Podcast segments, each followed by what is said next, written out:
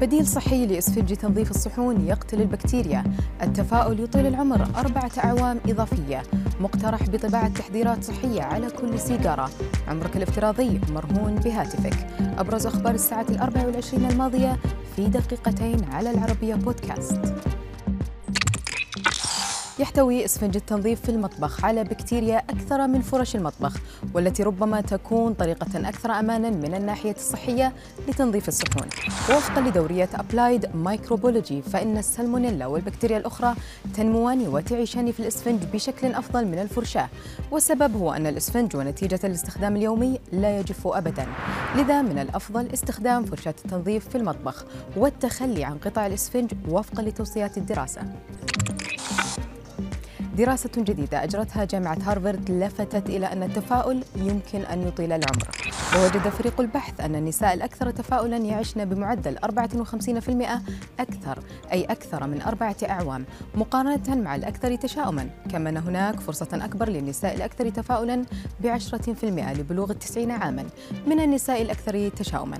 وتشير النتائج التي توصلت إليها الدراسة إلى أن هناك قيمة للتركيز على العوامل النفسية الإيجابية مثل التفاؤل باعتبارها طرقا جديدة ممكنة لإطالة العمر والشيخوخة الصحية عبر مجموعات متنوعة. قالت وزيرة الصحة النفسية وحالات الإدمان الكندية أن بلادها تقترح طباعة التحذيرات الصحية على كل سيجارة داخل العلبة مما يجعلها أول دولة في العالم تفعل ذلك. ووفقا للصحة الكندية فإن إضافة التحذيرات الصحية منفردة على التبغ ستساعد في وصول هذه الرسائل الضرورية إلى الناس.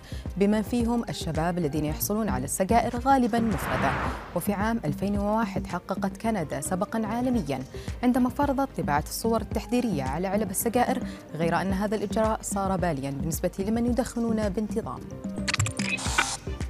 قال العلماء أن قضاء الكثير من الوقت في تصفح الهاتف قد يؤثر بشكل مباشر على حياتنا حيث تشير الدراسات الاستقصائية إلى أن البالغين العاديين سيقضون ما يعادل 34 عاما من حياتهم في التحديق في الشاشات.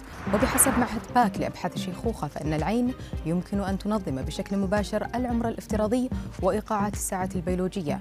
ووجد العلماء أن التعرض المفرط للضوء للعيون قد يعطل إيقاع الساعة البيولوجية ما يسبب مشاكل للصحة.